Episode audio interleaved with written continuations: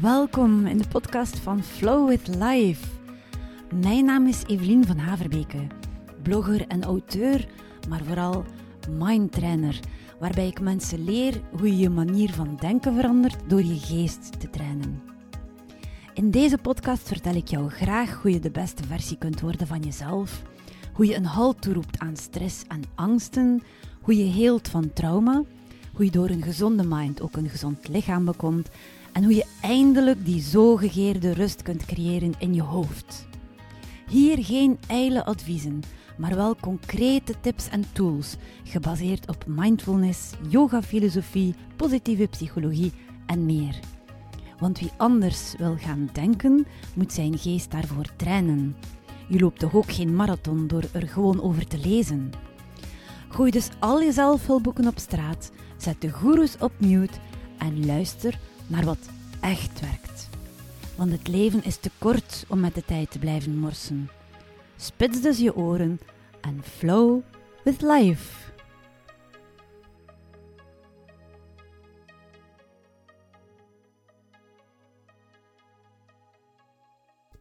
En in deze eerste aflevering zal ik het hebben over angst.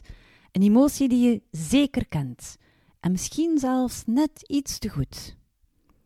Wat is angst? Waar komt het vandaan? En vooral, wat kun je eraan doen? En omdat ik weet dat heel wat mensen wachten op het relaas van hun eigen angsten, toen ik onlangs een maand in het Amazonewoud verbleef, vertel ik in de volgende aflevering meteen ook hoe ik daar zelf met reuzegrote insecten werd geconfronteerd, die mij voortdurend kwamen belagen, dag na dag elk moment. Ik werd er wanhopig van. Tot de sjamaan me die ene gouden raad gaf. En wat die raad dan wel was, dat vertel ik jou dus in de volgende aflevering. Maar eerst dus angst. Onze grootste angst, eh, angst is doodsangst. De angst om te sterven. En het is deze wil om te overleven die ons drijft in het leven. Het is een instinct. En daarmee is meteen ook een belangrijke functie duidelijk van deze emotie. Want angst beschermt ons. Wat als we nooit ergens bang voor zouden zijn? We zouden zeker niet lang rondlopen op deze aardbol. Maar toch vinden we het soms een lastige emotie. Waarom hebben zoveel mensen er bovenmatig last van? En waarom is het zo moeilijk om angst tot bedaren te brengen, om er op een rationele manier mee om te gaan? Om daar een verklaring voor te geven, moeten we heel, heel ver terug in de tijd. We moeten zelfs teruggaan tot in de oertijd. En in die oertijd waren er verschillende soorten mensen. Je kunt ze natuurlijk op verschillende manieren indelen in soorten en dat kunnen we nog altijd. Maar ik heb het vooral over de soort mens die geen angst kende en degenen die het net wel kenden. En wat gebeurde er dan? Er moest voor voedsel gezorgd worden. En dus moest er gejaagd worden. En dan waren er dus deze mensen die geen angst kenden. Die gingen al huppelend en zingend op zoek naar voedsel, die keken niet uit hun doppen en vroeg of laat werden die dus wel gedood. Want in die tijd was je niet veilig wanneer je uit je huis kwam, of wanneer je in dat geval uit je grot kwam. Er waren wel degelijk heel veel gevaren die levensbedreigend waren. En dan kon het wel eens gebeuren dat je bijvoorbeeld een sabeltandtijger tegen het lijf liep. Gelukkig waren er ook die andere soort mensen, degenen die wel bang waren. En die begonnen dan te schuilen achter een struik om even uit hun doppen te kijken. Die keken ook achterom, die waren voorzichtig. En een deel van deze mensen kon daardoor wel overleven.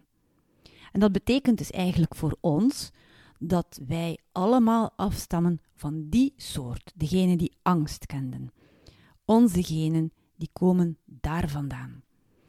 Maar die mensen hadden wel degelijk een reflex ontwikkeld die hen daarbij kon helpen. Die hen kon helpen om bij gevaar op de juiste manier te reageren. En ook deze reflex, die hebben wij geërfd. En dat is dus de vecht- of vluchtreflex. wat gebeurt er nu bij de vecht- of vluchtreflex? Wanneer iets ons bedreigt, dan gaat ons lichaam zich klaarmaken om ofwel het gevecht aan te gaan met wat ons bedreigt, of om op de vlucht te slaan. Maar in beide gevallen heb je dus wel spierkracht nodig. En ons lichaam die zal daar voorzienig op zijn. Er zal adrenaline geproduceerd worden, er zal bloed gaan naar onze spieren, we zullen voelen dat onze hartslag versnelt, onze ademhaling die zal ook sneller en oppervlakkiger worden. En dan zijn er nog een aantal symptomen, maar in elk geval, we ervaren stress. En dat stelt ons wel in staat om te overleven. Maar wat is nu het probleem van onze moderne westerse mens? Heel veel mensen die zijn voortdurend in de vecht- of vluchtmodus. Terwijl er eigenlijk niets is dat echt hun leven bedreigt. Maar ze hebben voortdurend stress. En dat komt omdat stress een vorm van verslaving is. Angsten zijn triggers en die zorgen dat we gaan piekeren. En op deze manier worden we allemaal verslaafd aan dat patroon. En dat patroon kun je gieten in de vorm van een gewoonte lus. De gewoonte lus die eigenlijk bij elke verslaving toepasbaar is. Maar om dat te kunnen uitleggen, moet ik eventjes iets vertellen over hoe ons brein in elkaar zit, onze hersenen. En ik zal het niet moeilijk maken, geen ingewikkelde termen gebruiken. Ik ben zelf ook geen hersenspecialist trouwens, maar ik zal het in elk geval met gemakkelijke woorden proberen uit te leggen, omdat de essentie moet doorgaan. Jij moet begrijpen hoe je hersenen werken als je angst krijgt en als je begint te piekeren. En daarvoor moet je weten dat er in onze hersenen een oud deel is, dat we delen met de andere dieren. En ik zeg dus wel andere dieren, want wij zijn ook een diersoort. We zijn in bepaalde opzichten net iets anders geëvolueerd dan de rest van het dierenrijk, maar we hebben nog heel veel gemeenschappelijk. Onder andere dat oude brein. We hebben ook ons nieuwe brein en dat maakt dat wij als mens bepaalde dingen kunnen die dieren niet kunnen. Zoals rationeel iets gaan analyseren, reflecteren over onze emoties, plannen maken voor de toekomst, een project uitwerken, humor. Dat zijn allemaal dingen waar dieren geen verstand van hebben. En dat maakt misschien dat we ons als mens soms een beetje superieur voelen tegenover de dieren, maar het maakt ons leven ook heel wat lastiger. Want als een dier, bijvoorbeeld een antilope in de savanne, achterna gezeten wordt door een leeuw, dan zal ze tijdelijk een enorme stress ervaren. Ze zal rennen, rennen al wat ze kan, ook door die vecht- of vluchtreflex die ervoor zorgt dat ze zeker op de vlucht zal slaan. Maar eens het gevaar geweken is en ze is kunnen ontsnappen, dan zal ze gewoon even schudden met haar lijf en dan is die stress er al uitgeschud. En dan is het gewoon allemaal vergeten en begint ze gewoon opnieuw te grazen. Als jij morgen achtervolgd wordt door iemand met een mes die jou wil vermoorden, dan denk ik dat jij zelf ook heel goed weet dat je, wanneer die persoon eventueel gestopt wordt door iemand en jij terug in veiligheid bent, dat je daarmee niet alle stress meteen zult kwijt zijn. Misschien ga je drie uur later nog steeds staan rillen en ga je misschien een jaar later nog steeds een soort van trauma ervaren, nog steeds schrikreacties krijgen bij bepaalde beelden of bij bepaalde ervaringen. Wij blijven hangen in de dingen. Wij blijven hangen in het verleden en we kijken ook al veel te veel naar de toekomst, waardoor we gaan piekeren en angsten ontwikkelen voor iets dat misschien niet eens zal gebeuren. Maar we hebben dus dat oude deel van ons brein, dat puur instinctief reageert. En net daar ontstaan de angsten. Angst ontstaat in dat oude instinctieve deel, dat alleen maar wil overleven.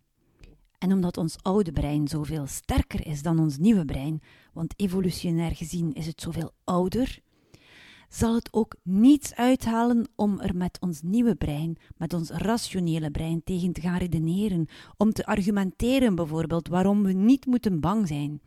Het heeft geen enkele zin, want ons oude brein gaat de rationaliteit gewoon uitschakelen. Meer zelfs.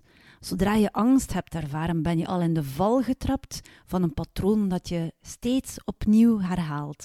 En dat heet de gewoontelus. En die gewoontelus, dat is iets dat elke verslaafde telkens weer herhaalt. En nu is het zo dat angst en het piekeren dat daaruit voortvloeit ook een verslaving is. We zijn allemaal verslaafd aan piekeren. De een wat meer dan de ander, maar het is een heel menselijke verslaving die we allemaal kennen. En hoe gaat dat nu precies? Wel, bij de gewoontelus heb je telkens een trigger, het gedrag dat eruit voortvloeit en uiteindelijk een resultaat. En die gewoontelus is ook ontstaan in de oertijd. Want onze hersenen die zijn graag een klein beetje lui. Die willen niet bij elke situatie waar ze mee geconfronteerd worden telkens weer moeten nadenken: hoe kan ik dit oplossen? Dus wat doen onze hersenen? Als ze bepaalde oplossingen herhaald en herhaald hebben, dan gaan ze zeggen: dit is blijkbaar de juiste oplossing. En dan gaan ze dat automatisch telkens weer doen. En nu is het zo dat als wij angst ervaren, en die angst ontstaat dus in ons oude brein, dat ons oude brein zegt aan ons nieuwe brein: Doe iets. Ik vind dit geen leuk gevoel, die angst, ik wil daar vanaf, doe iets. En ons nieuwe brein gaat reageren vanuit die ene gewoonte dat het al zijn hele leven herhaald heeft. De enige reactie eigenlijk die het kent op angst. En dat is piekeren. En we weten allemaal dat piekeren irrationeel is. Als we beginnen te piekeren dat we niet meer kunnen nadenken op een normale manier, dat we bijvoorbeeld enorme rampscenario's gaan verzinnen. We zijn ergens bang voor en we beginnen al voor ons te zien hoe alles zal eindigen. En door dat piekeren gaan we eigenlijk steeds angstiger worden. En het resultaat is dus op het einde dat we helemaal geen oplossing hebben, maar wel gewoon onze angst nog erger hebben gemaakt. Terwijl dat eigenlijk niet de bedoeling was van de gewoontelus. Want de gewoontelus die is ontstaan in de oertijd om problemen op te lossen, dagelijkse problemen. En hoe ging dat dan? Als de oermens bijvoorbeeld honger had, dan was het gedrag dat hij ging jagen. En als hij ging jagen en hij had zijn buit mee en hij kon eten, dan was het resultaat een bevredigend gevoel. Ik heb geen honger meer. En daarom herhaalde hij dat telkens weer. Honger was de trigger, het gedrag was gaan jagen en het resultaat was een bevredigend gevoel. Ik heb geen honger. Maar deze gewoonteles die zijn wij gaan gebruiken ook voor dingen die helemaal niet in ons voordeel zijn. En we herhalen dus telkens na die trigger datzelfde gedrag, maar het helpt ons geen stap vooruit. Integendeel. Wel, wat is nu de oplossing? Want heel wat psychologen, psychiaters en andere therapeuten, die weten heel goed dat angst verhelpen een erg moeilijke opdracht is. Angst is erg hardnekkig. En er zijn een aantal methodes die gebruikt worden, maar ook deze professionele behandelaars, die weten dat deze methodes meestal niet zo erg succesvol zijn dat ze vaak ook niet helpen. En er is een Amerikaanse psychiater, Jed Brewer, die daarover is beginnen nadenken. Die zei: Ik heb een heel arsenaal aan methodes uitgeprobeerd. Mensen met angsten kan ik eigenlijk erg moeilijk helpen. En ik ben op zoek gegaan naar wat misschien wel kon werken. En hij heeft ook de methode gevolgd om eens heel goed na te denken over angst ontstaat dus in ons oude brein. Alle methodes die wij gebruiken om angst te bestrijden, die doen een beroep op ons nieuwe brein, maar ons nieuwe brein wordt uitgeschakeld. En daarom is het dat geen enkele methode eigenlijk echt goed werkt. We moeten dus eigenlijk werken met ons oude brein, waar de angst ontstaat, om ook de oplossing daar te gaan zoeken. En dan kwam je uit bij mindfulness. En mindfulness betekent altijd dat je in het hier en nu blijft en niet oordeelt. Hier en nu en niet oordelen, dat zijn nu ook kenmerken die de dieren hebben. En die kunnen heel gemakkelijk hun angst van zich afzetten. Eens het gevaar geweken is, gaan die niet verder blijven piekeren. Ze gaan ook niet omdat ze denken aan iets dat misschien morgen zal gebeuren, al op voorhand heel veel angsten ontwikkelen en allerlei doemscenario's voor zich zien. Een dier zal dat niet doen. Wij doen dat wel. Een dier blijft in het moment, het nu. En dat moeten wij ook proberen. Maar dat is heel erg moeilijk voor ons. En welke methode heeft Judd Brewer dan ontwikkeld? Hij zei: op het moment dat we zelf merken dat we aan het piekeren zijn, zijn we dus al begonnen met onze reactie op de trigger. En moeten we onszelf dus eigenlijk betrappen. We zijn aan het piekeren. En dan zeggen we tegen onszelf: Stop, dit piekeren is geen goede oplossing. Ik moet een andere oplossing verzinnen. En wat is die andere oplossing dan? Je gaat terug naar de trigger, terug naar de angst, het moment dat je voelde dat je begon te piekeren omdat een gedachte door jou ging, of omdat iemand iets tegen je heeft gezegd, of omdat je iets hebt gelezen, of weet ik veel wat. En je voelt die angst in je lichaam. Je gaat dus bij voorkeur met gesloten ogen in je lichaam helemaal scannen en je gaat na waar je die angst voelt in je lichaam. En meestal zal dat zich concentreren op drie plekken. En dat is nek en schouders, die zullen vaak verkrampen in dat geval. Rond de hartstreek zul je ook een verkramping voelen. En in de buik, bij maag en darmen. Heel veel mensen hebben dan ook last van hun maag en hun darmen als ze stress hebben. En hartklachten die komen ook heel vaak voort uit stress. Rugklachten, nekklachten hebben ook vaak te maken met stress, omdat daar telkens weer die verkramping voorkomt. En wat we dus moeten doen, is gewoon ons lichaam scannen, voelen wat er te voelen is, zonder te oordelen, want ook dat is mindfulness. Het is oké zoals het is. Je gaat er niet van alles bij gaan verzinnen. Je gaat er geen oordeel aan vasthangen van bijvoorbeeld, ja, mijn nek is weer verkrampt, ik zal morgen weer helemaal vastzitten. Als je dat doet, dan ga je natuurlijk opnieuw gaan piekeren en dat is nu net niet de bedoeling. Dus je gaat gewoon je lichaam scannen, voelen wat er te voelen is en daar niet over oordelen. En als je dat doet en je blijft gewoon bij die observatie, bij dat nieuwsgierige nagaan van wat voel ik nu precies, dan zal die angst vanzelf overgaan. Want je moet het vergelijken met een vuur. Als we angst zien als een vuur en het is goed aan het branden, en je begint te piekeren, dan zal je nog meer brandstof op dat vuur gooien. De angst wordt alleen maar sterker. Maar als je nu gewoon naar het vuur blijft kijken zonder er iets mee te doen, dan zal het vanzelf na een tijdje doven. En dat is wat we eigenlijk doen met deze techniek. Door gewoon te observeren en er niets meer aan toe te voegen, zal die angst ook vanzelf doven. Soms is het niet slecht om na deze oefening ook nog een ademhalingsoefening te doen. En er zijn prachtige oefeningen in de pranayama die daarvoor kunnen dienen. De pranayama zijn de ademhalingsoefeningen uit de yoga-traditie en die bestaan al enkele duizenden jaren, waardoor ze al meer dan genoeg hun nut hebben bewezen. Zo is er een oefening die heet Nadi Shodhana, waarbij je afwisselend het linker en het rechter neusgat afsluit. En deze zorgt echt wel voor instant rust, zowel in je lichaam als in je hoofd. Het is ook belangrijk om even aan te stippen dat een oefening, zoals degene die ik daarnet heb uitgelegd, ook er niet kan voor zorgen dat je nooit meer angstig bent. Het is nu eenmaal een reflex, een impuls. Ik heb al uitgelegd dat het vanuit onze drang komt om te overleven. Dus we zullen nog steeds momenten hebben waar we, waarop we stress ervaren. Maar waar het op aankomt, is dat je op tijd het piekeren een halt toeroept, zodat je niet in je angsten blijft hangen. En dan heb je al heel veel bereikt. Zo, ik hoop dat je door deze aflevering heel wat opgestoken hebt. Je weet nu hoe je hersenen werken wanneer je angsten ontwikkelt, waarom ze zo moeilijk te behandelen zijn, maar vooral, je hebt een methode gekregen waarmee je er wel mee aan de slag kunt gaan en waarmee je dus eigenlijk rust kunt creëren in je hoofd. En dat is waar iedereen deze dagen zo hard naar snakt. En ook ik wilde rust in mijn hoofd. En ik wilde vooral kom afmaken met alle trauma dat in mijn lijf lag opgeslagen toen ik een tijdje geleden naar het Amazonewoud trok, bij de Shipibo-Indianen, en ik daar een maand ben verbleven.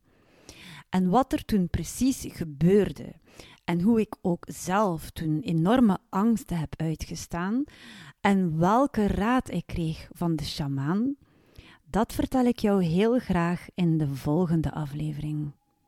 Dus graag tot dan en ondertussen flow with life.